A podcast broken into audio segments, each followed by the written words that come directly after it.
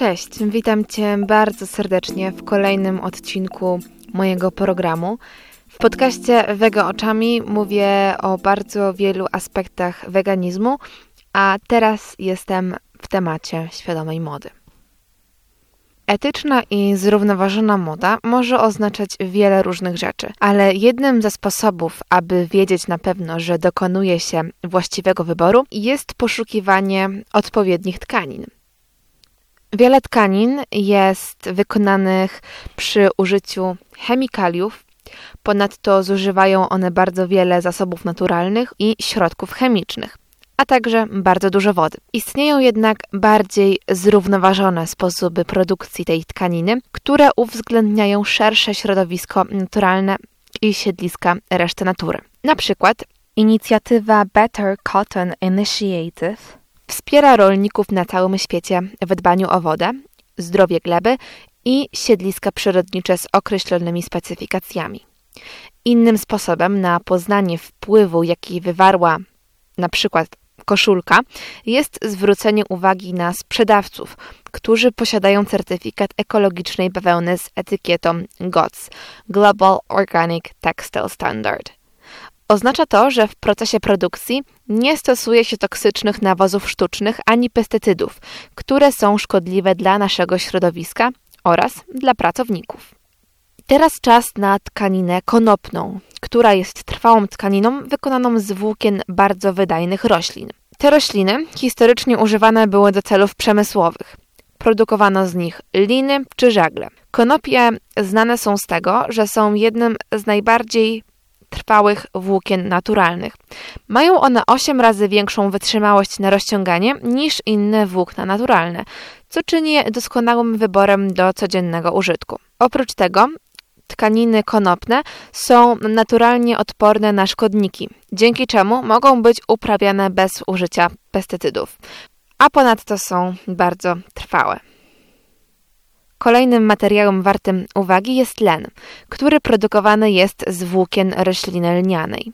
Były one używane już w czasach starożytnych Egipcjan ze względu na swoją trwałość i zdolność do utrzymania ludzi w chłodzie, a także dzięki zdolności pochłaniania wody. W dzisiejszych czasach, kiedy uprawia się je na obszarach np. w Europie, nie ma zapotrzebowania na użycie pestycydów czy nawozów, Wymaga ponadto znacznie mniej wody niż bawełna i jest dobra dla kondycji gleby.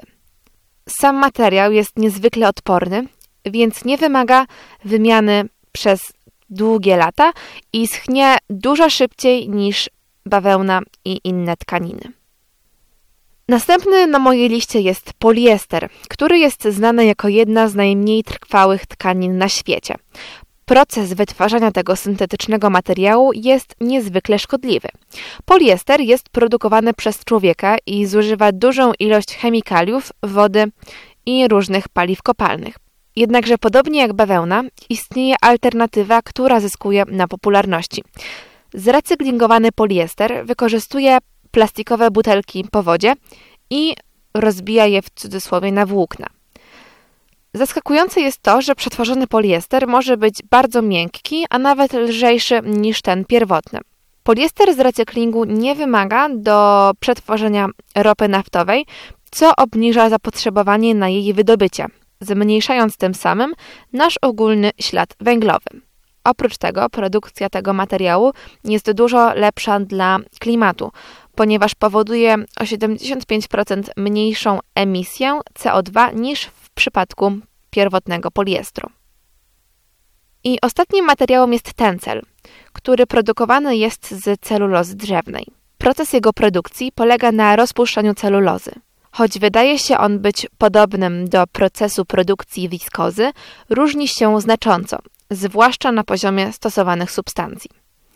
Tencel produkowany jest głównie w Stanach Zjednoczonych, Indiach, Wielkiej Brytanii oraz Austrii. Plusem tego materiału jest też to, że podczas procesu produkcji zużywa się stosunkowo mało wody. Jest to około 260 litrów na kilogram. Z ciekawostek mogę Wam jeszcze powiedzieć, że odzież z tencelu poddana kompostowaniu ulega biodegradacji w przeciągu 6 tygodni.